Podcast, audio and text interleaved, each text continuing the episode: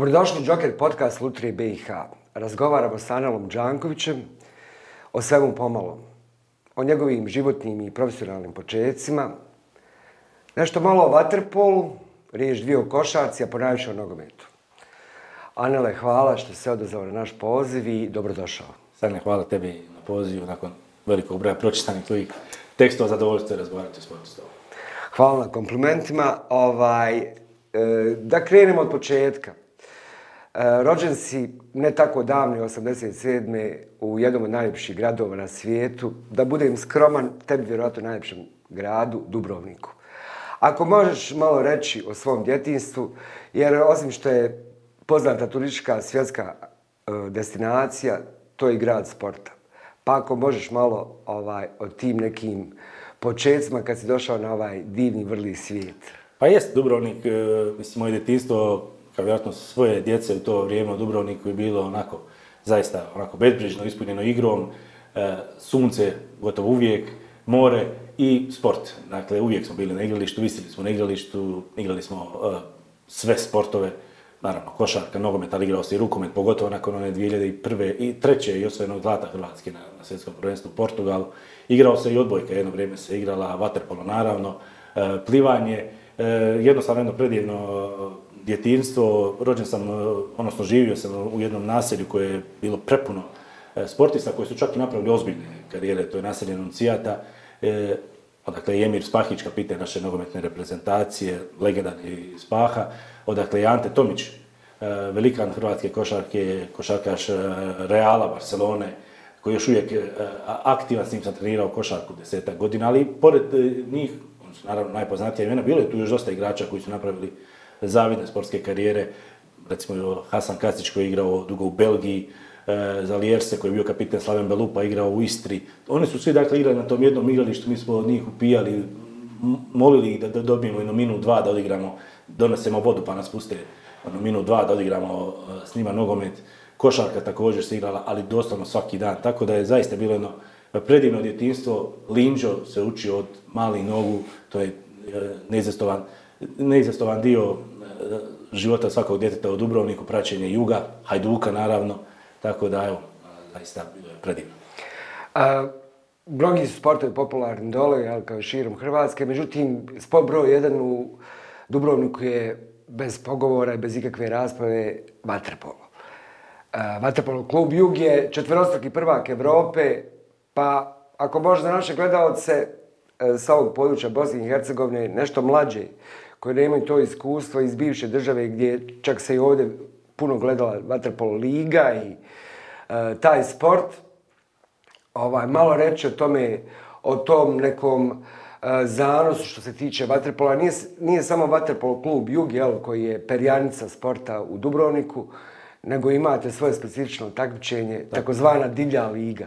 Ako možeš malo objasniti i e, približiti taj jedan fenomen jel, i tu jednu tradiciju, a riječ je o, o takmičenju, ajmo reći, gradskih kvartova, da. gdje se igra na život i smrt. Pa da, pa, svako dijete zapravo u Dubrovniku je barem mjesec dana moralo trenirati od Pa onda ako ti baš ne ide, onda ćeš se ispisati, pa ćeš pisati nogomet ili košarku ili neki drugi sport, ali vaterpolo je baza. Ono, na vaterpolu se krene. Ja sam osnovnu školu završio u Gružu, gdje se nalazi E, Jugo e, kultni e, bazen i naravno da smo odmah kroz školu počeli malo, ja sam bio premršan, tako da nisam baš bio neki vaterpolista, vrlo rano sam shvatio da to nije sport, da nije sport za mene, pa sam se prebacio na, na, na košarku, ali jug je, jug je dole sve, jug, jug se prati, jug, se živi, jug je, ja sjećam 2001. godine onog Final fora u Gružu, kada je bio nikada puni bazenu u Gružu, tada još nije bio ni, napravljen do kraja, još nije bilo ni e, klasičnih e, tribina sa sjedalicama, nego su bile kao betonske ploče, to je bilo polufinale protiv Bečeja, to je bilo nezamisliva atmosfera, Bečej je tada bila reprezentacija Srbije Crne Gore u malome sa, sa Astom Šapićem i sa svim ostalim igračima.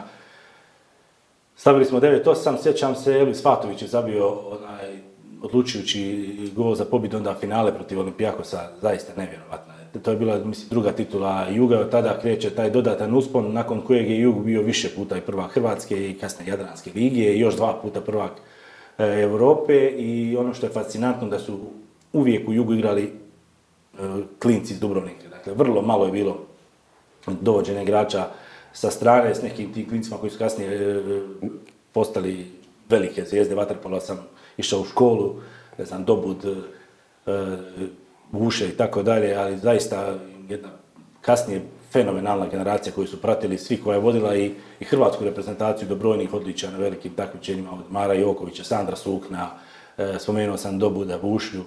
To je zaista fantastičan klub e, koji, ima nevjerovatan rad sa djecom, e, koji jednostavno pruža mnogo, mnogo talentovanim igračima i nema potrebe da idu bilo gdje iz Ruža, dobiju odmah sve uslove. Tako da jug je, kažem, dole primarni sport, pa se sve ostalo dolazi uz to. A što se tiče divlje lige, to je najpoznatije amatersko vaterpolo takmičenje na svijetu. To je zapravo e, prvenstvo Dubrovnika, Dubrovačkih kupališta. Svaka ekipa koja se na određenom e, kupalištu, plaži, kupa, formira svoj tim i onda se igra ta divlja liga koja je zaista onako vrlo, vrlo zanimljiva. Ne mogu igrati profesionalci, što je vrlo zanimljivo, ali su recimo neki veliki igrači u drugim sportovima se voli okušati vaterpolo. Tipa Nikša Nikša koji je bio Više puta jedan mlad igrač. mislim da je i Kostelić igrao jedno, dvije godine. Tako da ovaj, bio sam dio jedne e, ekipe, Gruški mum se zvala i to mi je onako ostalo srcu, iako sam dobio možda dvije, tri minute da odigram neke nebitne utakmice, ali, ali sam bio u zapisniku. bio sam u zapisniku i to mi je, ono uvijek ostalo, imaju bilo i u novinama Žanković. Pisao je da sam bio da To je tradicija koja se ne prekida. Ne prekida se i ove godine, upravo sad treba da krene. Kad ide? Sad, ja mislim da je bilo izvlačenje prije dan, dva, tako da sad kreće ta, po nekom novom sistemu, nema više kvalifikacija. I naloženost i dalje traje. To je fenomenalno. To je vrlo... se igra u starom portu, na portu u staroj luci, Dubrovnik, to, to bude fantastična atmosfera, puno sve proslave na Stradunu, ko bude e, prvak, tako da cijeli grad živi za tu divlju ligu, prati se to kao i malo nogometni turniri koji su uvijek ljeti u Dubrovniku, ali divlja liga je onako primarno, primarni sportski događaj ljeta u Dubrovniku i zaista jedna predivna tradicija koja traje jako, jako dugo i evo, po čemu je Dubrovnik zaista posao. Dobro, e, trenirao s košarku, osim ovaj, vaterpola koji je spod broj jedan u Dubrovniku, E, dosta poznatih košarkaša dolazi iz, iz Dubrovnika. Od onih starijih koji se sjeća, moja generacija stariji, e, spomenut ću Andru Knegu i da. Adana Bečića, bivše košarkašice Bone. E, ti si igrao pleja i trenirao si sa komšijom Antom Tomčem koji je poslije postao veliki igrač, igrao i za Barsu i za Real. Možeš malo proći kroz to šta je bio problem, bio si po sobstvenim riječima solidan play, ali šta se desilo tokom tog perioda dok si bio naložen na košarku? Pa bio sam zaista zaluđen košarkom jedno vrijeme, pogotovo Michael Jordanom, Bullsima, nije bilo, ono- tada je bilo od petka na subotu je bila noć košarke se zvala na HRT to, moglo se, ne znam šta se mogla napraviti majka, ali me morala probuditi tri ujutru, to se moralo gledati to. Dakle, to, to se nije nikad propuštalo, bio sam potpuni zaluđeni košarkom, igrao sam 9 godina košark, bio sam sasvim solidan playmaker, čak kada se formirao, igrao sam za osnovnu školu, to je bio klub osnovne škole Ivan Gundulića u Gružu, ali onda se formirao prvi kao omladinski tim Dubrovnika gdje će igrati najbolji svih škola. Dakle, onako, jedan konkretan klub, da nije samo školski klub i tada sam ja jedini bio koji je e, bio šesti raz. Osnovno svi su bili sedmi, osmi, Ante bio Sedmi Perić koji je kasnije igrao i za Zadar, i za Split, i za hrvatsku reprezentaciju, igrao u Italiji, on je bio osmi razred, imao sam čast da igram e, s njim, fantastičan, jedan šuter, nevjerovatan. A Ante Tomić je bio iznad svih, Ante Tomić je... Jel bio inter... Ma i tada je bio nevjerovatan, on je u osmom razredu. Toliko visoko, odnosno puno više od svih vas. 2-9 u osmom razredu. To je bilo, to je, to, to, tolika razlika bila. I onda smo ja igrao za pick and roll, onda mi stao blok, ja bi prošao, vratio mi to nije bilo, to nije bilo, to nije bilo greške. Uvijek, smo, stvarno smo dobro onaj, sarađivali, međutim, eto, krenuo je pubertet, već mi se baš ne da trenirati, već je to mm, svaki dan treninge, ne mogu baš to, tako da onaj, a i onda, i tu kao i svakom, počelo je guranje nekih roditelja koji guraju svoje, svoju djecu, tako da sam to na vrijeme vidio kuda to se vodi i odustao sam. Odustao sam od košarke, na svu sreću i Ante bi odustao od košarke, ali se na svu sreću vratio. Ante jedno godinu i po dana i on bio prekinuo sve treninge i ono, posvetio se e, školi, međutim, pozvali su ga na jedan turnir da ide sa Dubrovnikom na turnir u Italiji, onako, bez treninga je otišao na turnir, taj juniorski, kadetski, ne znam šta je to već bio. I tamo je briljirao, tamo je Dubrovnik bio u finalu, on je, on je bio MVP i odmah, on se više nije ni vraćao Odmah je Zagreb ga zvao da direktno dođe iz Italije u Zagreb na potpis ugovora, tamo je ostao upisao školu, mislim se su ostala bilo još dva razda srednje škole, tamo je odmah upisao školu i kasnije se istorija zaista nevjerovatna karijera, najbolji igrač Lige, transfer u Real Madrid, mislim pet sezona u Realu, pa sedam u Barceloni, sad još u Španskoj, u Španskoj ligi, vidio sam ga, pošto sam se nedavno bio u Dubrovniku na pa sam ga vidio sa, ženom i djecom, tako da ona zaista jedan veliki igrač i odličan da, sreća da se vrati, ali sreća kao faktor e, veoma bitna i u sportskim karijerama kao i u životu. za e, za futbal sam spominjao da je prvi tvoje neka sjećanja su za Mundial 1994. koji se igrao u Sjedinim američkim državama. I rekao si mi, ja sam mislio da si malo kasnije počeo pratiti, ali svejedno to je imao sedam godina i da si plakao nakon što je Italija izgubila na penale u finalu od Brazila. Bađo ti je bio igrač pa možeš malo o svojim eh, korijenima svog navlačenja na nogomet, kako si zavolio sve to i tim prvim uspomenama. Pa jeste, to je bilo to, upravo to, eh, to svjetsko prvenstvo je bilo onaj moj prvi kontakt pravi sa, nogometom, svi su pričali o tom svjetskom prvenstvu, ja sam bio mulac i naravno finale sam gledao s ocem eh, Rahmetli i on je navijao za Brazil, ja sam bio općine Bađamin, u to vrijeme kad si dječak, onda ti je bitno samo da je drugačiji. Božanski Repić. Da, Božanski Repić. Volio sam Bernarda Lamu to vrijeme golmana Pariza. Da, da, on je bio, On je bio, on je bio legenda. Čak sam kredom pisao na, na, majicu Lama. Ono. Eh. volio sam ovaj, braniti. I onda to, to finale je bila prva nogometna trauma. Nažalost, bit će još puno. Nakon toga to je bila prva nogometna, istinska nogometna trauma. Plakao sam, sjećam se, izašao na, na, plakao, to je bilo grozno, ovaj. ali nakon toga sam zaista zavolio Azure i uvijek su mi nekako, uvijek druga reprezentacija na, tim velikim takmičenjima. Ovaj, eh, ali Bađo mi je bio, baš sam se obradovao kad sam vidio da je neki dan izašao i dokumentarac o Bađu, odnosno nešto između filma i dokumentarca.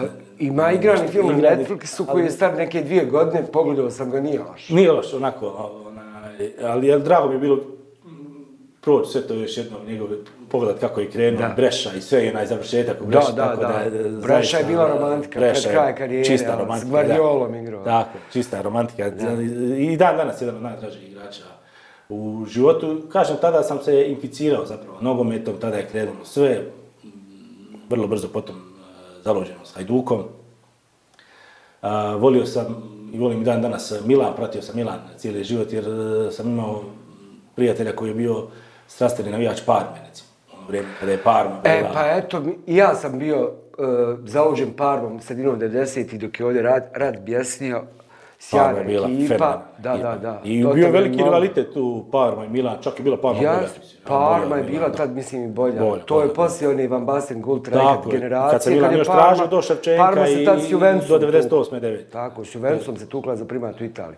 Dobro, reci mi, eh, kad si počeo da eh, imaš interes prema tome da bi ti mogao malo nešto komentirati? Odnosno, znat sastave, eh, spoznat srž igre, i kako bi to izgledalo u praksi. Pričao sam mi da si neke lokalne turnire već počeo biti speaker, pa kako je to krenulo? Pa to je krenulo sa, sa, najprije sa igricama, kao vjerojatno svakoga ako se počeo, koji je mlađi, ano, ko, je živio vremenu kad su krenule ovaj, te, igrice i sa fifom i sa nekim futbol menadžerima. Tako da sam ja ovaj, počeo čak eh, organizirati neke press konferencije na kojima sam samo ja pričao, naravno, pa majka mislila baš nisam nešto nije u redu, priča tamo nešto, predstavljam neki igrač koji bi doveo, pa ga predstavljao. Komentarisao sam kad bi igrao FIFA, uh, komentarisao sam kompletne utakmice, kompletne sezone, tako da ovaj, stvarno sam to zavolio i vidio sam da mogu, da, da, meni to ide, da, mogu pričati, imam tu ovaj, moć govora. Što je možda i najbitnije, jel? I onda, bilo je tih par ljetnih e, turnira, uvijek su Dubrovnik ti čuveni ljetni turniri koji su dosta posjećeni, onda su me nekada klinac ti ono, pročitaš sastav koji je zabio gol i to je meni bilo kako ne? Koliko je godina imao tad? Kad, kad dao priliku da uzmeš kada sam bio, ne znam, prvi srednji, osmi, prvi srednji, to je meni bilo tad fenomenalno. I onda je nakon toga dvije, tri godine i onda sam ja, kada, ja sam bio sa u srednju pomorsku školu, trebao sam ići na brod. Trebao sam biti kapetan. Ja, trebao sam biti kapetan, ali krenuo je Potorulog broda. U sasvim drugom Hvala, smjeru Bog sve. Pa Ali vrlo brzo sam shvatio da nije ni to za mene. Onaj, imali smo neku praksu, trebalo već brodom na te lafite, otoke oko Dubrovnika i tad sam shvatio da ja neću nikad pomorac, da je to jednostavno pretežak posao za mene i tada sam odlučio da ću upisati novinarstvo sad. nije se znalo gdje, da li Sarajevo, da li Zagreb, Split. I na kraju, pošto imao dosta rodbine u Sarajevo, odlučio sam se. Za Sarajevo, kažem, možda od drugog srednje sam već siguran bio da, neću naprotiv, da ću biti novinar. Tako da, već tada sam se krenuo dobro, sigurno si ono znači- zamišljao ovaj, taj svoj poziv životni e, na neki način. Imao si neke vizije, projekcije, želje. E, koliko sad s ove distancije vratiš se unazad, pa sad s ovim iskustvom koji imaš sad, možeš reći da se e, to ostvarilo, da se realizovalo to nešto kako si zamišljao svoj budući poziv? koji toliko voliš, siguran sam, jer ne bi ga radio da ne. Da pa Apsolutno se realizovalo, dakle, sve ono što sam nekad sanjao, da, će mi se desiti u toj eh, karijeri, da ću komentarisati neke velike utakmice Lige prvaka, svjetskog prvenstva, da ću voditi emisije s nekim poznatim eh, sporticima, da ću biti na nekim svjetskim stadionima, da ću pratiti neka međunarodna takmičenja, sve se to zapravo eh, ostvarilo do sada i zaista sam sretan i zahvalan E, i, i urednici Medini Šekić svim kolegama na BHT-u što sam dobio zapravo priliku da, da radim taj posao koji i volim. E, zaista sam imao ogromnu podršku svih kolega od samog početka i bez njih naravno ne, bi ništa bilo od, ovoga. Sve sam naučio od njih i zaista evo, ja sam rekao i nakon, s obzirom da sam bio i na svjetskom prvenstvu u Brazilu kada je naša reprezentacija nažalost jedini put igrala na velikom takmičenju. To je bilo nezaboravno iskustvo i ja sam rekao da tada završim E, to. to, to je dovoljno. To, to ima šta pričat sutra i djeci i Tako. Ovaj, zaista. Samo ona utakmica e, s Argentinom na Marakan, to je stvarno san. To je Ali da ne upadamo patetku i, e, i pri, stalnom pričanju o našem jedinom nastupu i tom. Da malo prođemo kako se ti kalio, kako se kalio Anel Đanković. Znači ti studirao i paralelno počeo da radiš na TV Vogošća. Tako. E, prenos utakmica, jedna kamera. Molim te, sigurno tu ima već anegdota, bavit ćemo se anegdotama sa tvog posla i života. pa, ako možeš malo to približiti našim gledateljima. ja ovaj. čim sam došao e, iz, Dubrovnika, ja sam tražio neku praksu, nešto, da radim, jer ovaj, dok sam studirao, živio sam u Vogošći kod e, Ameđe, prve dvije godine po dolasku iz, Dubrovnika, tako da, da mi je rođak rekao, bil ti radimo ovdje na lokalna televizija, a možda tu bacimo da probaš Ja govorim kako ne, super. Tako da sam počeo raditi na mogući i mnogo sam zahvalan tim ljudima. Iako je to mala televizija, to je bio jedan skup zaista profesionalaca koji znaju i kako svoj posao I puno se radilo prijenosno. Puno se radilo, svake liga dakle, i sportova. Svaki vikend e, tri prijenosa, barem tri prijenosa. E, ja radili i rukomet, i košar, I, nogomet. Ovaj, tako da sam ja zapravo prvi off tu pročitao, prvi prilog napravio poznao, spoznao šta je montaža, kako se uzima izjava, e, prvi prenosi komentatorski su bili na televiziji Vogoš, ako sam tad imao onaj klasični dubrovački naglasak, imala možda i dan danas, ali tad je bio zaista izraz.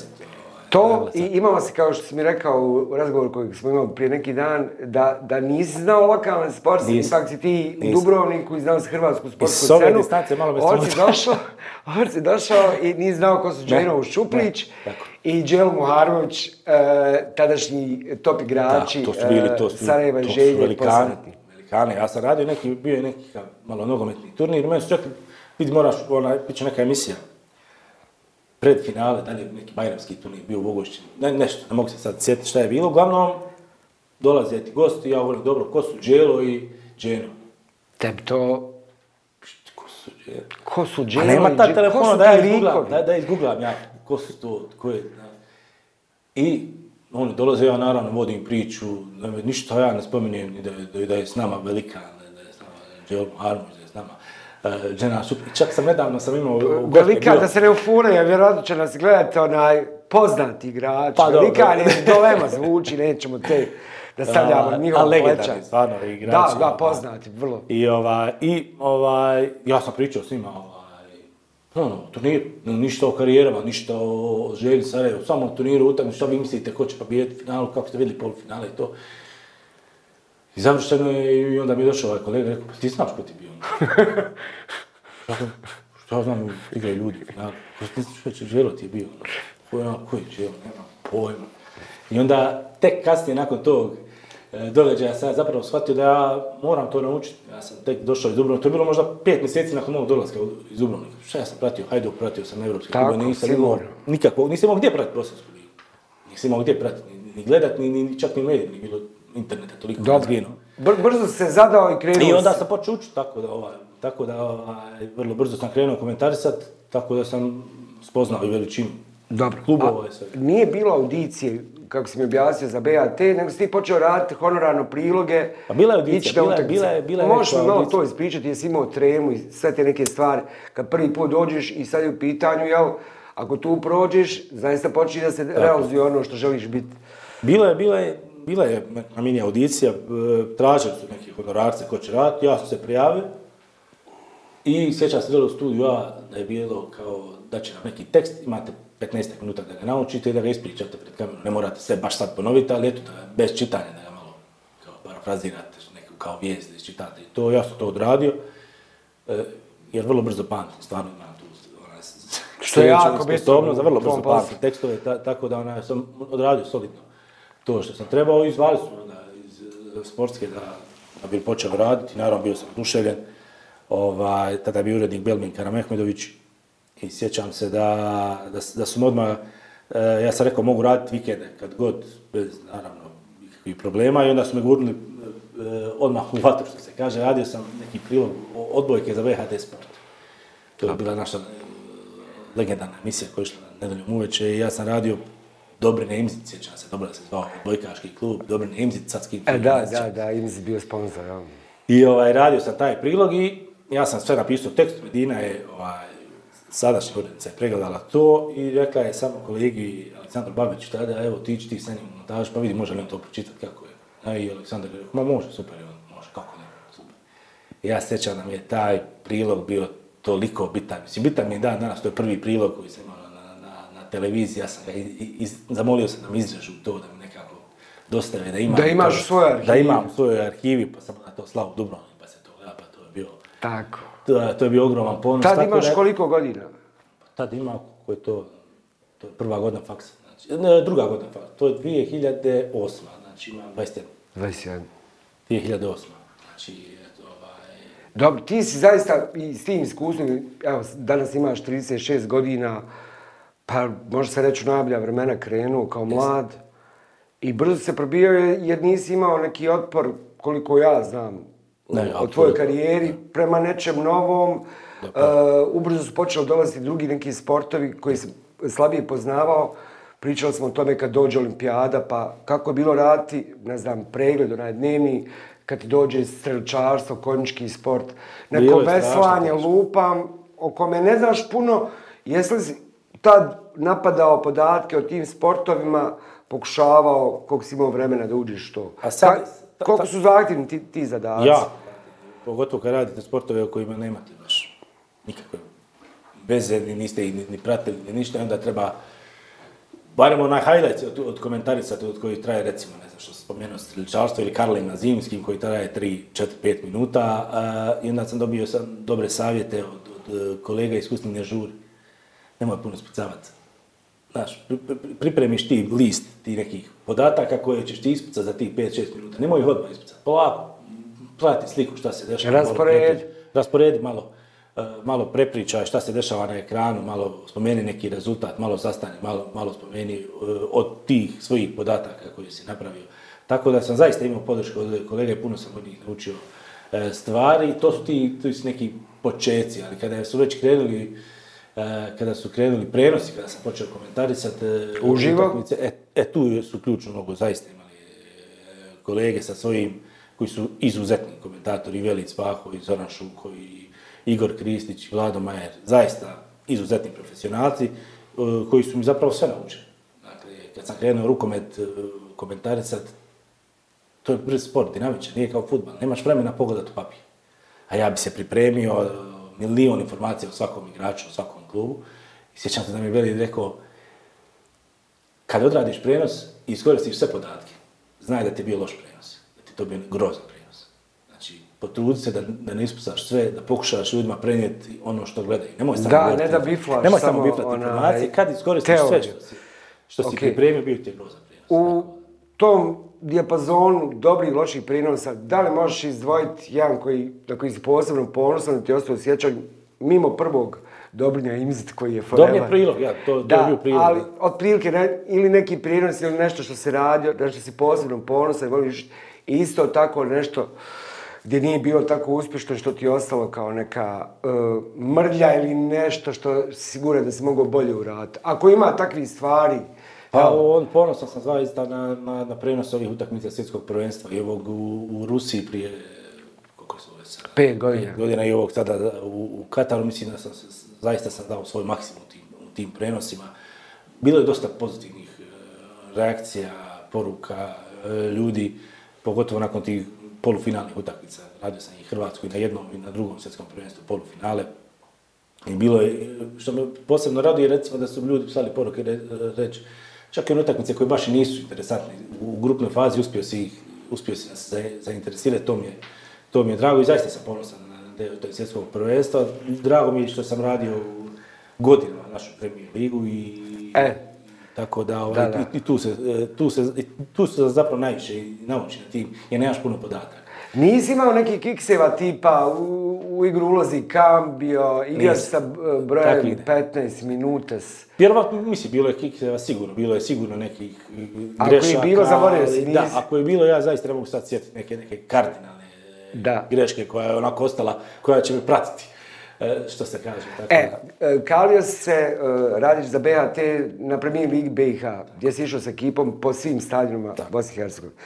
Molim te da nam ispričaš barem jednu ili dvije anegdote s tih utakmica, sigurno sam da ima puno, znam za ovu izgledašca, pa da krenemo o toj i molim te još neku, jer je to ono što, ljudi ovaj, e, vjerovatno ne znaju i nisu čuli. Pa ja uvijek kažem, e, ljudi kad gledaju svoj domova ne znaju zapravo kakvim uslovima smo mi radili te prenose, onda često ljudi nezadovoljni kažu, ja, ne znam, griješe, ne znam, spori su, dosadno su, nemaju podataka, kako rade reprezentacije. Problem prije svega što nemaš podatak. U to vrijeme ni jedan klub nije imao web stranicu. Onda kad dođe igrač neki ti nemaš, ne, možeš, vrlo je teško naći neke informacije, ako već nisi upoznat sa njegovom karijerom. A što se tiče infrastrukture, to je zaista nevjerovatno. To je, od, one puškarnice u Lukavici gdje, gdje, puše, gdje lete i papiri, gdje nema... jednostavno, je, pušalice spadaju kad puhne a toliko... Puškarnica u Lukavici. To je nevjerovatno. I sjećam se jedne anegdote, tamo smo se vratili sa svjetskog prvenstva, 14. kreće nova sezona i ja radim prenos Zvijezda gledača Železničara. Mislim da je Mema bio trener Železničara tada, je Mimić, ja mislim da je on bio trener, nešto osim ili dotišao, nešto je bilo. Uglavnom, sjećam se te utakmice i nema, nema komentatorske pozicije, nego si među ljudima. Ti si na tribini. Ti si na tribini gdje su i ostali ljudi, samo se izdignu dvije, dvije tribine iznad njih i malo su, su nekom kanafom. Kanafom. ništa ono, ako se nekome čepne da ti dođe nešto dobati, skinete se može. A može ti čepne Može. I uglavnom, puše vjetar, iz, jer iza je nekakva livada. Iza, iza, iza leđa, iza, iza, puše užasno. I nose se papiri, letaju. I ja sam odlučio da više neću dirati papire, jer da ne može se. Nije, nije. Ja, e, ako podigneš, odnoše svi, Tako nema, to je, to je.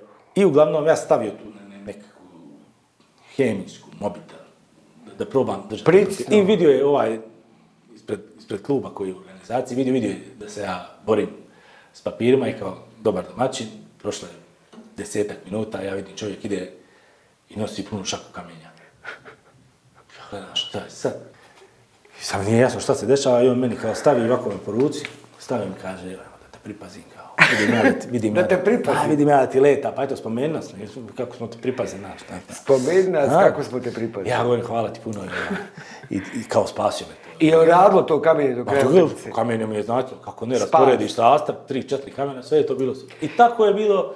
Koji je, recimo, u BiH ali ste razne utakmice i kupa ili ne znam ovo ono, kako je već su išle sezone, koji ti je nekako najbizarniji stadion? Eto, tu je bila ta bizarna scena, Alp, spominjao si stadion Slavije u Lukavci, gdje je e, priča o vremenima prije 10-15 više godina zapušteno zapuštenost infrastrukture Ma, svaki u BiH. stadion bio zapušten. To je... Eto, gdje je bilo još ti, ajmo reći, probala i ti neki scena koji su potpuno Meni, meni Mostar bio, recimo, Vrapići su bili super, zato što sam... Stari Vrapići. Stari Vrapići. I sad Vrapići, ne, ne sada ovaj izgrađeni. Ne, ne, ne, znači, pričamo o starim Vrapićima sa jednom i pol... Tada bila stvarno divada, mislim. Bila da i malo, ono, iza golova su bile dvije, tribine i oni su nama napravili kao za, poziciju 1-2 za kamere. E, tu kao neku toretu i tu smo mi bili između kao mali stolić gdje, mi, ćemo mi komentarisati. Međutim, i, na tu tribinu bi došli jači A kako su starci, izuzetno smiješni ljudi, puni humora. Ovaj, sjećam se jedne prilike da se moraju isključiti koliko mi je smiješno bilo, da, nisam mogao to njihovo dobacivanje. Žuganje. Ma to je, ma to je. Najjače. Uglavnom, igra je velež neki, ne znam, i gubio je na polovremenu. I sad kreće drugo polovrijeme i ne znam Čekaj, sad je zvin, ako pričamo o Vrapćima, je li ta pozicija bila sad gdje se pravi ova nova južna jest, kao tribina. Jest, jest, jest. Ne tu, gdje je sad već izrađena. Odatle ste snimali i ti si od ozgo čuo sve što se čuje dole. Ne, oni su bili do mene, oni su se popeli gore. A oni se popeli, e, ima 5, 6, nije se popelo gore, šta ću, nemaš ti osiguranje da im kažeš, ne možeš tu stajati. Oni se popeli, to je sad pre, krenulo šega. I sjeća se kreće drugo vrijeme, već su provaljivali i, i, i ostarske one fore i i kreće drugo poluvrijeme i ovaj ide lopta za velež i oni vraćaju do zadnje linije loptu. Ono, kreće se u zgradnju, napada. Neće. I ovaj se dere, pa bolaka, gore napadamo, drugo je poluvrijeme, pio je jedan, kaže, vidiš, ljudi... se stranu! Pa gdje dole, bolak, gore napada. Tako da se tu, tu sam, ono, otki, morao sam se uključiti, do da dođe sebi. Nisam mogao što sam izavodati, molim vas, ono ja ne, ne, mogu, ne, mogu raditi. Ovaj, dobro, taj Kuban je pomagao puno. Vidi retro igrača, kaže, vidim noga, retro. To je bilo, onda, onda rukomet je bila zanimljiva situacija, isto sam počeo raditi rukometnu premijer ligu, da. kada je Derventa bila. na sastave, nemaš Koja apsolutno, pa mislim da je Derventa, negdje su Derventi. Ne, Aha, dobro. Znam. Buma sad je bila Derventa, ali mislim da je. I uglavnom, počinje, nemaš apsolutno nikakve informacije o nijednom igraču, a nije ni bitno, mislim, realno. I uglavnom, što bi rekao moj kolega Veli Spaho, 1-0-1-1, to sti prinosi. Samo gledaš šta se dešava. I uglavnom, ovaj, i dolaze sastav, ispretan sastav, počinje utak, počinje prvi napad, šestca dodaje osmici, srednji dodaje do desnog, nemam ni šestice ni osmice u zapis. Nemaš, nema, se zove? Nema, nema šestce, nema broja uopće, nema... To naravno nisi stigao uprat prije početka utakmice, jel? Isto, kako to bilo na zagrijavanju, samo su izašli, stignuli se, kreće utakmica, šestca dospice, ja dolu papir, nema šestce. I kako, šta se? Nek sam ja imao neki širi spisak i onako, otprilike sam znao koji su pet, šest srednjih, ono, srednjih, bekova, koji su desni, ja sam onako... Bil neki tu... Pa bubno neki, Brđinić, i jednog sam Turudija. pogodio. Jednog sam pogodio, srednjeg sam pogodio, u desnog nisam. I Isto tako za 10 minuta sam Vidiš, trebao si tu sreći da se totalno ne provališ. Jel? Tako je. Sad, se ne interesuje, pa to ti što ne, ne, okay, ne, ne zna puno ljudi ko su ti igrači, ali ako gleda rodbina zna.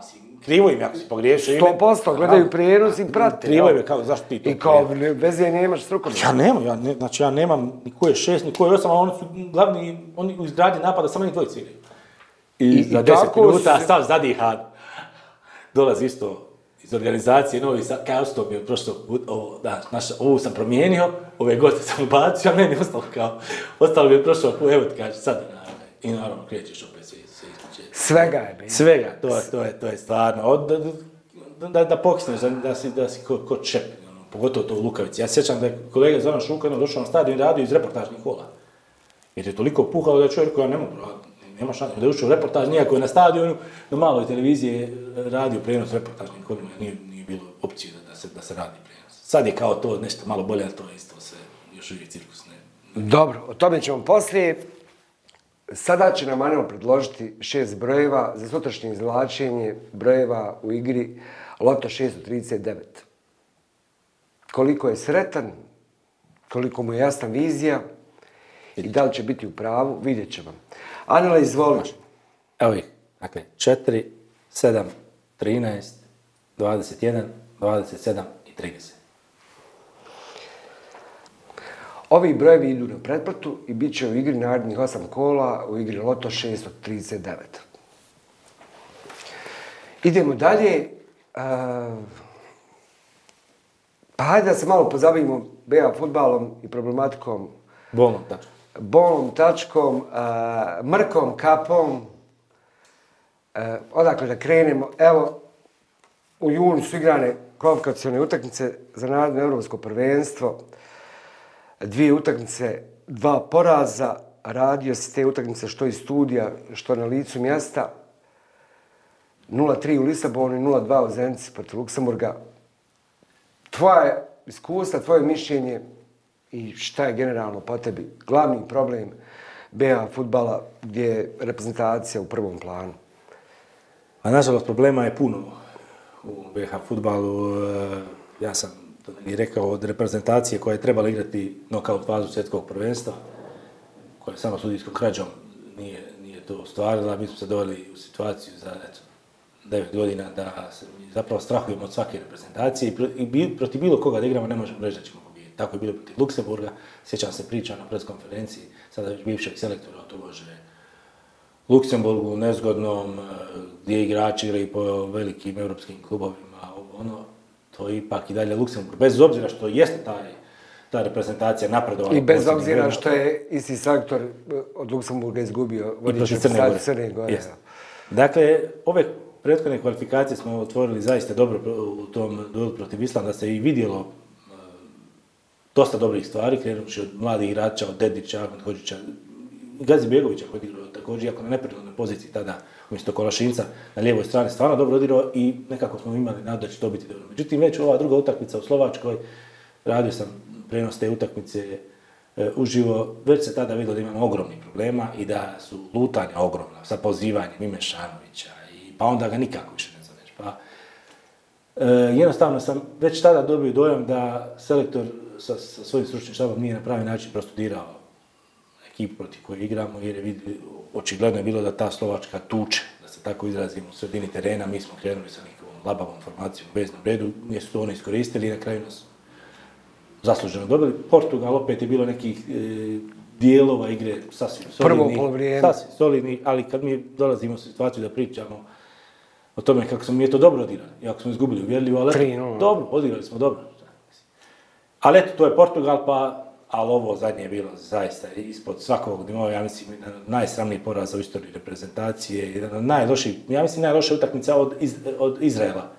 To je bila zadnja utakmica Papeta sušća isto tako kad nas Izrael... E, da, kad smo ističali bez napadača. Ma, i bez napadača i bez obranica, ja mislim da je devet veznjaka igrao. Da, kriza, traje, kriza traje od mundijala u Brazilu. od Brazila. Promijenili smo puno selektora, rezultata nije bilo, sjećamo se svi. Da I kada nismo trebali promijeniti selektora, bismo. Da, i padamo na rang listi. A opet, mi smo, zahvaljujući e, dobro odigranoj Ligi Nacija, prošloj, bili u drugoj jakosnoj skupini i dobili grupu gdje smo mi po trenutnoj snazi pa ajde barem ravnopravni u tom neko, ne, nekoj borbi za drugo mjesto. Sa Slovačkom. Sa tim Islandom koji je promijenio kompletnu generaciju, ali opet ima neki rating i sa tim Luksemburgom koji se ubrzano razvija. Mi smo nakon četiri kola faktički u situaciji da, da imamo još samo teoretske neke šanse da, da se domognemo drugog mjesta. Šta je glavni problem? Je li to način biranja selektora? Je li to politika saveza? Eh, ili je, ili je eh, činjenica da nemam više tako dobre igrače kao što smo imali prije desetak godina. Pa da i mi ne možemo eh, se postaviti u situaciju da, da, da očekujemo plasman na veliko takmičenje. Pa ima, problemi su zaista brojni. Neću ništa novo ako kaže da je stanje u našem savezu katastrofalno, krenuoši od svih nivoa, od ljudi koji vode savez, pan, na dole, da tako se izrazim, nikome nije jasno zašto je smijenjen Petar, ja to moram zaista spomenuti, ako si ga već trebao smijeniti, onda si ga trebao smijeniti nakon kvalifikacije za svjetsko prvenstvo kad imao pobjede. Ali čovjek je napravio jednu zaista dobru sinergiju u ekipi, volili su ga igrači, davali izjave i Šehić i Džeko da su uz njega, odvedete ova ligu nacija, pronađeš konačno neku igru, vežeš neke dobre rezultate i onda kažeš, sad više ti nisi tu, dovešćemo pod izgovorom da trebamo novu pa energiju i da malo, to... no, no, naravno, znači uvijek izgovor ćeš kad, kad treba neko. Mazanje očiju i sad, mislim, izbor novog selektora. I sad na tek sad je, sad je opet neko mazanje očiju kao treba nam neko novi ko prati e, savremene trendove u nogometu, jer Hačbejić to očigledno nije, što ja sam pticama na grani. Koliko je to bacanje prašine u oči, jer šta, šta sad, mislim, pa mi tako, meni se čini da smo u takvom stanju da je potpuno svejedno ko će doći na mjesto selektora. dok je ovakav način razmišljanja u Savezu i svemu što, se veže za ovaj, e, i sastav reprezentacije, njene nastupa, pa i sve ostalo što ide. Jedini, ovaj, način je da, to dođe, da dođe mlad, e, modern stručnjak i karijerista koji će gledati samo svoju karijeru i koji će E, zbog svoje karijere žele napraviti veliki rezultat. A ovo ostalo e, da dovede kao legende, pa nema tog ništa. Jednostavno, Peter je bio taj čovjek koji je profesionalac, koji, radi za sebe, a i da se izbori sa svim tim našetarenjem, sa svim tim menadžerima, s pozivanjima, nepozivanjima, da se odhrva tim, tim naletima iz tih struktura saveza koje očigledno diktiraju sve. Mislim, ja se sjećam prije Mislim, uvijek se znao za, za mladu reprezentaciju, znao se barem 5-6 igrača. Sada, ko se poziva u tu mladu reprezentaciju? U 21, U19. To je, to je takav, se izrazim, javašluk da je to, da je to prestrašno. E, I nažalost, ja, kažem, ne vidim, ne vidim ko bi došao sad u ovoj situaciju u reprezentaciju, iako mi imamo još, naravno, zahvaljujući tom e, a ligi nacije, tom baražu, imamo šansu da se domognemo europskog prvenstva, ja bi zaista volio se to desi jer su ovi iskusni igrači to i tekako zaslužili. Zaista je bilo divno da se Džeko oprosti reprezentacije sa njim, sa još jednim velikim e, i pijanić i svi ti e, igrači, ali jednostavno mora doći čovjek sa autoritetom, sa znanjem, čovjek koji će reći e, igrat će samo oni najbolji koji, ja odredim, pa makar se ti zvao pijanić ako nisi u formi ne možeš igrati. Apsolutno. Ne možeš igrati. To je najveći pa problem. to je najveći problem. Pa to je rekao Vaha, dakle ja ne mogu da ovdje određuju... Pa od 13. Pa minute utakmice protiv Luksemburga... Ko će igrati prvi 11. Ali ja, ja, Bez obzira koliko volim BiH i, i bi na kraju svoje trenerske karijere da budem selektor, ali ja ne mogu to. I, i naravno, i da dovede pomoćnike koje on želi, a ne da mu se nameće pomoćnike da mora biti, ako si ti, ne znam, po, po ključu. To, to je strašno. Mislim, to, čovjek dobije za pomoćnike ljude kojima nikad kafu nije popio, ne zna ni ko su, ni kako je njihovo nogometno znanje, kakav nogomet oni preferiraju ti znači, imaš pet pomoćnika selektora, niti jedan da mu kaže 13. minute ti pjanči, povlači nogu, stalo se nešto isteže. Da, kao... Pa vidite li to? Pa vidi svaki navijač to na tribinama, vidi. Pa ne, hvala ti pjana za sve, legenda si. Pa ne, ne, ne, treba, treba biti realan, Dobro, u svijetu toga ovaj, idemo na naše domaće prvenstvo koji je izdoktorirao ovaj, kroz svoj posao sezonu po sezonu. E, reprezentacija je sad u takvom stanju kako jest. Spominjemo baraž, tu nam vrlo vjerovatno će doći protivnici koji su mnogo ozbiljniji od Slovačke, Luksemburga i Islanda s kojima nismo mogli. Tako da sam tanke šanse tu. Premijer Liga BiH, otkad pratiš sve to, kako gledaš na razvoj, odnosno pad kvaliteta, tvoje mišljenje, infrastrukturu, gradi se stadion, vidimo Posuše neki dan dobro reflektore, stižu reflektori u Trebinje. Ali je bilo, da ne kažem, farsje sa ovim izmjenama travnjaka koje su potrajale pet puta duže nego igdje u, normalnim zemljama. To je mišljenje o premijer ligi i svemu tome što se kreće oko nje. Suđenje pogotovo. suđenje. Ja, možda se neki neće složiti sa mnom, ali mislim da je na najnižim granama njih sigurno premijer po kvalitetu. Ok, napravili su se travnjaci, to je toliko dugo trajalo da je to nevjerojatno. Sarajevo je, to je prosto neregularno prvenstvo. Ljudi su igrali u, u osmom mjesecu utakmicu na Koševu i onda na kraju sezone. Ne samo Sarajevo, tri kluba su igrali na svojim stadionima. Prošlo, prošlo prvenstvo. Suđenju da ne govorim. Suđenje je nevjerovatno. Da li, ti je poznato, ako možeš biti objektivan, kao novinar moraš biti objektivan, da li ima u Europi jedna liga koja je koliko spornih sudijskih odluka, A da to već traje već dvije, tri sezone, ovaj, ali baš previše. Nije nikad bilo suđeno neko sjajno. Tako, nije nikad bilo ali sjajno, ali ovo, godine, je sada, ovo je sada već postalo Jer postoji takva liga u Evropi? Pa ja mislim, ja možda, možda i postoji, ali ja zaista nisam upoznan sa tolikom količinom kardinalnih grešaka. Ja kažem, to već prerasta u bezobrazno, jer ti vidiš, ja, i sudija to vidi, ali džava, to, on, on će opet kako, kako, kako on umio i kako mi je naloženo. Ja sam čak rekao, šalio sam se s kolegama neki dan, ja mislim da, da se u našoj ligu uvede var, da bi oni pogledali var i opet dobili.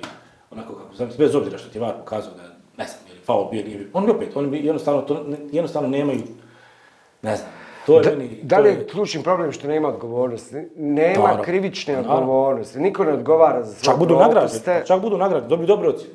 Znaš, napraviš tri, četiri kardinalne greške, ovaj ti nešto tamo, nije ovo, i ti si na listi opet, na UEFA listi, tebe stave, ne znam, Nevjerojatno mi da isti sudije deset puta istom klubu sudi. Pa to, to je nevjerojatno. I nakon što, što, je jasno da su, da su taj klub jer podržali, gurnuli svojim odlukama i dalje su na listi, i dalje istim klubima sude i svi se žale i niko ništa i opet se sve to vrti u krug. Meni u tom svijetu, e, jel očekuješ da će isto biti uh, e, naredne sezone koja uskoro počne? Ako ne bude Ja zaista ne vjerujem da će se išta promijeniti. E, kažem, vara opet neće biti ja, ja strahujem da bi moglo biti čak i gore, jer ne, A teško možeš zamisliti da može biti gore do ovog sada. Iako, eto, kaže, žao mi je klubova. Žao mi je klubova koji se pojačavaju, koji dovode igrače, koji, koji nešto pokušavaju i onda ti dođeš jednostavno ti ukradu. Da. Znači, to, to su nevjerojatne stvari. Se I onda mi pričamo sad o napretku. Ne može.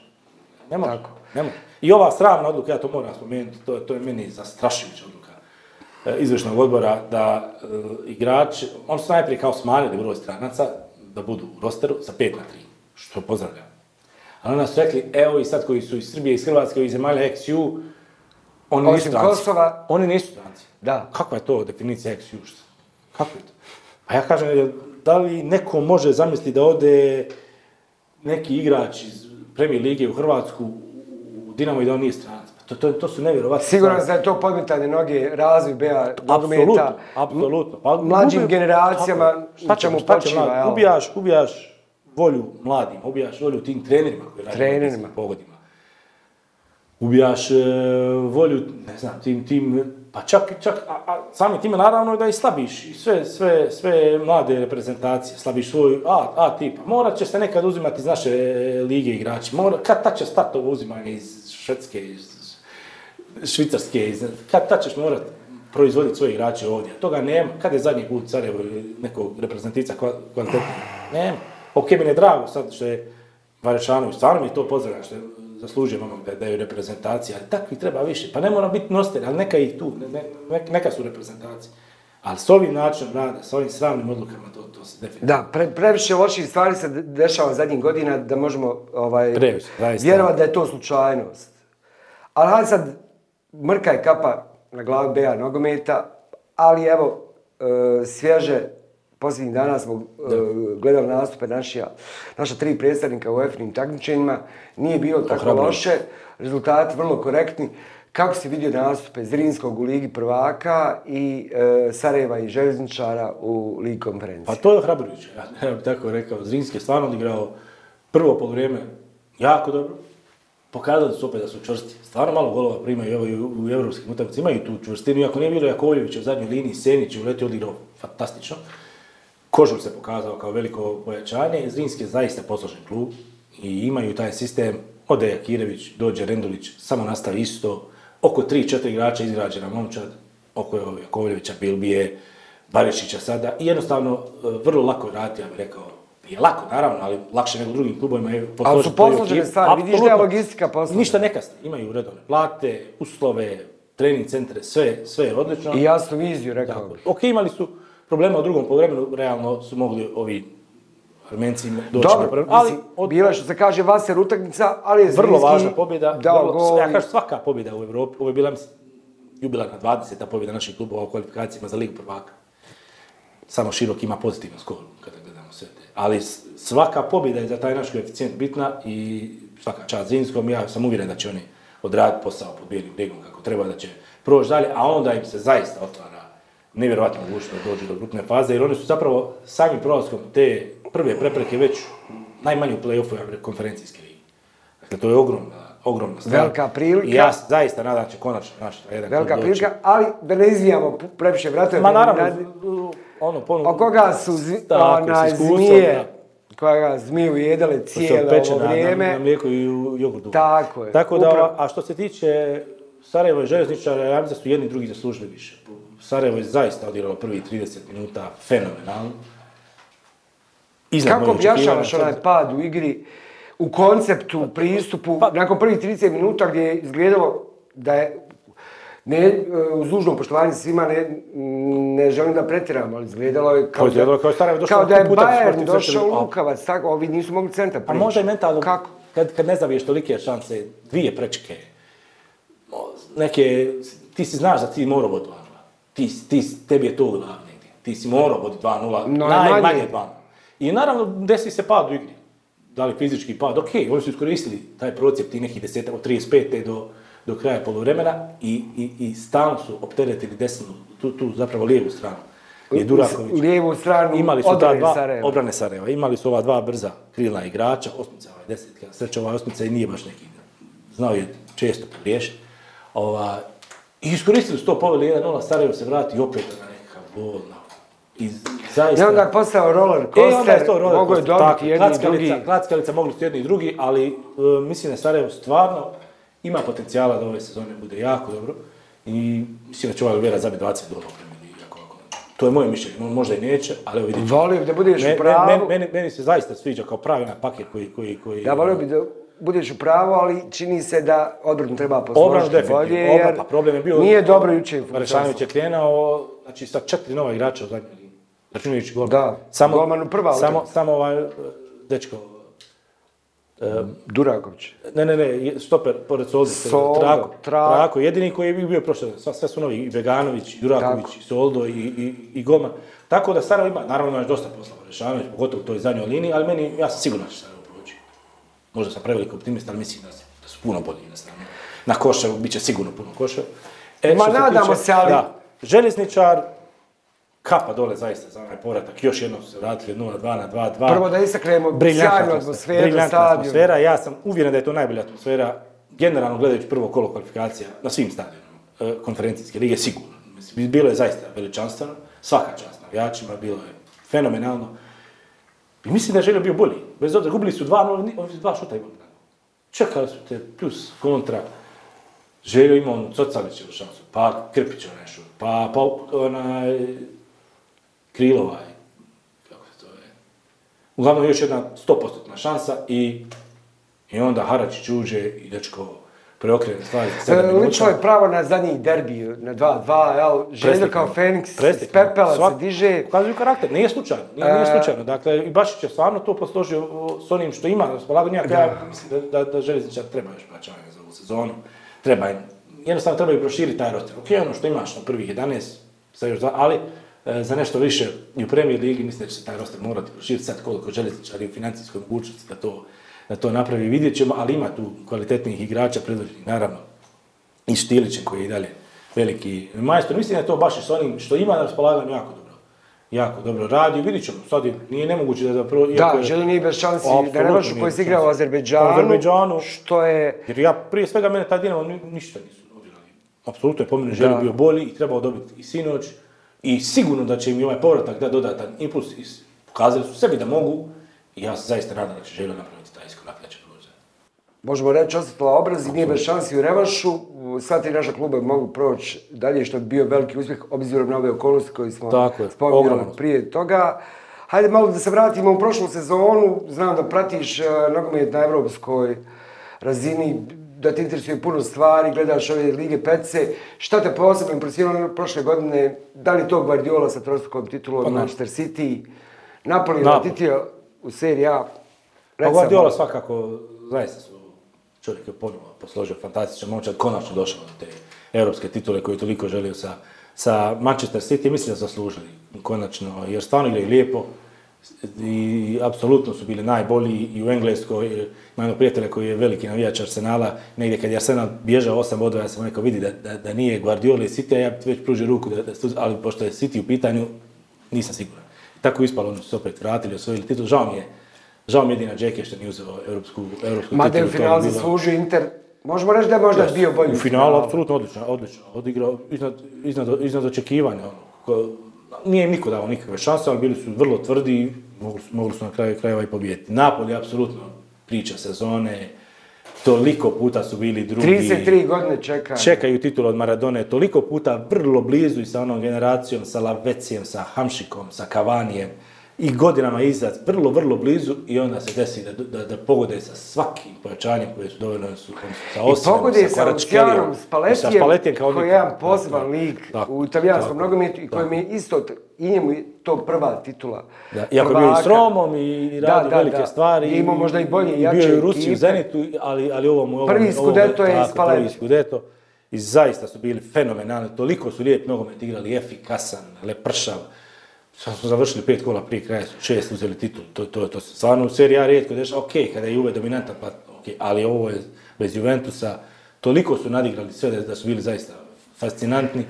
Bilo je još nekoliko klubova koji su mi recimo bili zanimljivi prošle godine Union Berlin me recimo da, da, u, u Bundesliga kako, kako su igrali. Evo igrače Ligu prvaka, lijepa priča, stvarno, baš ono, baš klub jedan od tih klubova koji, koji se to vraća. Da, klub zraje što bi se reklo, ovaj... a sad šta će se dešavati ove sezone pod, utjecajem ovih arapskih milijardi? E, to, to o tome to da pričamo o ovoj, ovom tsunamiju nemoralnih ponuda iz Saudijske Arabije, upravo se dešava jedna, a ja bih rekao kontrarevolucija u, u svjetskom futbalu, Dakle, klubovi iz Saudijske Arabije daju e, ogromne novce. Prvo veteranima, sada a, već. A sada već igračima u najboljim godinama ovaj, iz top evropskih klubova i dovode ih u svoje redove. Ono, na početku izgledalo kao, kao kineski šablon, ono, dovodit ćemo te neke velike zvijezde kojima, ono, rok trajanja polako prolazi, međutim, ovo je sada, ovo sada, vidimo, Savić, spominje se Mitrović. Ruben Neves. Bernardo Silva, Bernardo Silva. koji ima 28 u Ma ne se spominje, ma ne se spominje. Osim toga dovode strašni trener, Dovode, Tako. već Nuno Evo, jučer vijest, uh, Jordan Henderson, 700... Uh, kapiten uh, Liverpoola, jesu 33 godine, će imati platu 700.000 uh, funti sedmično. Kako reći tome ne? Znamo par igrača je reklo Luka Modrić i Son iz Tottenhema da su rekli ne. Pa teško, teško, ne, teško je Kako može zamjeriti tim igračima ovaj, ako pristanu na te uslove, jer to je obezvjeđivanje svojih pravunuka, tako je. I kako vidiš da bi to moglo utjecati na, na ovaj, stanje na futbalskoj mapi svijeta? Pa oslabit će ove Evropske lige, to je, to je definitivno. Ti već sada imaš u toj e, ligi igrača jači nego što imaš vjerojatno serija. I, možda i u Njemačkoj ligi. Dakle, ta liga će se gledati, to, to je definitivno. Samo je pitanje kada će, vjerojatno će sada početi uvoziti najbolje sudije svijeta. Jer neće ovi igrači da im sude anonimus. već praviš ligu, onda...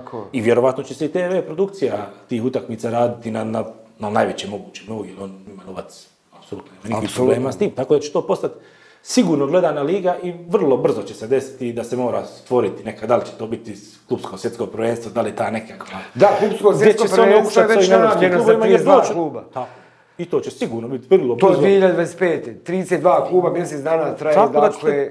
sigurno će se proširiti, ajmo reći, klubska mapa svijeta, vrlo brzo, već se proširila, ali da će dobiti značajnu ulogu, da će imati priliku ne samo u revijalnoj utakmici igrati protiv Reala Barcelona, igrat će sigurno vrlo brzo i neke takmičarke utakmice, taj Itihad Nasir, kako već se zovu, ali da kupuju top igrače, da ulažu, da to je zaista nevjerojatno. Da, sad će biti drugačije. E, da li će biti drugačije ono što te najviše zanima i ono što ti najviše u vezano za nogomet, a to je Splitski Hajduk i njegova iduća sezona.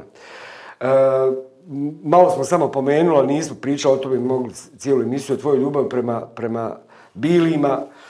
E, evo, spominje se Ivan Peršić, Spomni, kakvi su hajdučki planovi za iduću sezonu i je li došlo vrijeme da se konačno nakon 18 godina čekanja Hajduk domogne titule prvaka Hrvatske i ono što je, smo isto spominjali u uvodnoj priči, odnosno priči prije ovoga snimanja, je li došlo vrijeme makar da se uđe te grupe Ligi konferencija, da se igra grupna faza u takmičenja, zadnji put je bila 2010. 11. Tako.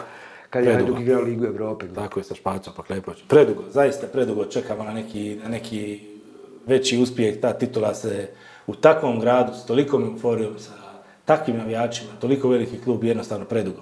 Predugo čeka titulu ja se zaista nadam da ove godine konačno došlo vrijeme za iskorak.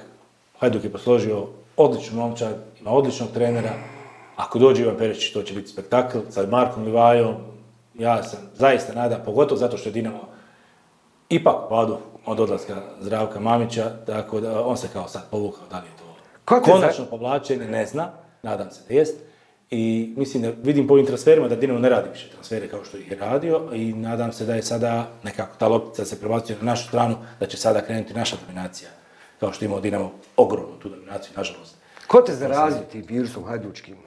Od pa koga se sviđa bolest? Pa virusom se zaradiš u Dalmaciji, čim rodiš, tebi je hajduk tu prvi grafit koji vidiš je Hajduko, prva pjesma koju čuješ je od Mladena Grdovića ili od Vinka Coce, to su prve pjesme. Dakle, Ti se vrlo ono je slično kao Splitu, iako si daleko od Splita, od Dubrovniku je absolut, to je euforija, je, pogotovo u naselju u kojem sam ja odrastao, dakle u Gružu, to Hajduk je sve, Hajduk je emocija, Hajduk je život, Hajduk je ono čime je ne, neizostavna tema svake kafe. Ja kažem, ono najviše što mi Dubrovniku nedostaje, Dubrovnika je priča o mogu nekim sjesti pričati je dug tri sata.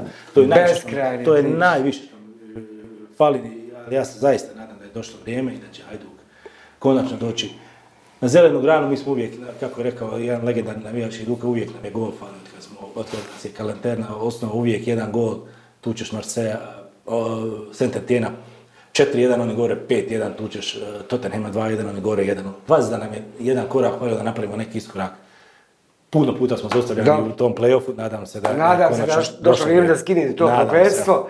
Za kraj, reci nam kako se odmaraš, kako se e, isključuješ iz ovoga radnog svijeta, iz ovoga e, svijeta u kojem živimo punog stresa, puniš baterije i nalaziš energiju za nove rade i životne pobjede. Šta je tvoj zen, koja su to mjesta na kojima se najbolje osjećaš i na kojima opet popiješ taj eliksir za Pa ja se najviše, iskreno se najviše opuštam u e, sport, gledanje sporta, to nekako kada sva djeca e, onako pođu na spavanje, upaliti fino neku utakmicu, čak i vratiti, sad, ima i ta mogućnost da se vrati, pošto strašno gledati se da mi nije problem vratiti ako znam rezultat imam jednu lijepu vikendicu, onda tamo odem sa djecom i ženom, tako da tamo... Zeleno? tako je, zeleno odmaranje, Sježiš sa, sa odmora i se stigao odmor dovoljno iz dole ovaj, Dubrovniku? Pa jesam, da, tamo, Ovaj, bili smo sedam dana, dovoljan odmor, tako iza toga smo bili još dan, dva na vikendici, tako da napunio sam baterije, idemo u nove pobjede što se kaže. Dobro, nadam se da se dobro ovaj, e, raskakao, ironio, jel kažu da dok ne zaroniš u more, ne izađe ova bol ovaj, koju svakodnevno kupiš u sebi iz ovog asfalta. Dragi gledalci, nadam se da ćete se i vi odmoriti eh, i uskoro zaroniti u ovaj, akvamarinske dubine. To je bilo sve za danas. Anale, hvala ti. Bilo mi je eh, zadovoljstvo i nadam se da se uskoro vidimo opet. Hvala tebi, nadam se da je bilo zanimljivo.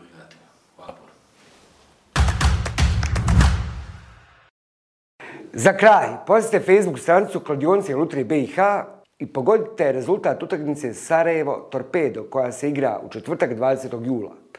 Svi koji pogode tačan rezultat dobivaju 50 maraka bonusa na elektronskom novčaniku Lutrije BiH.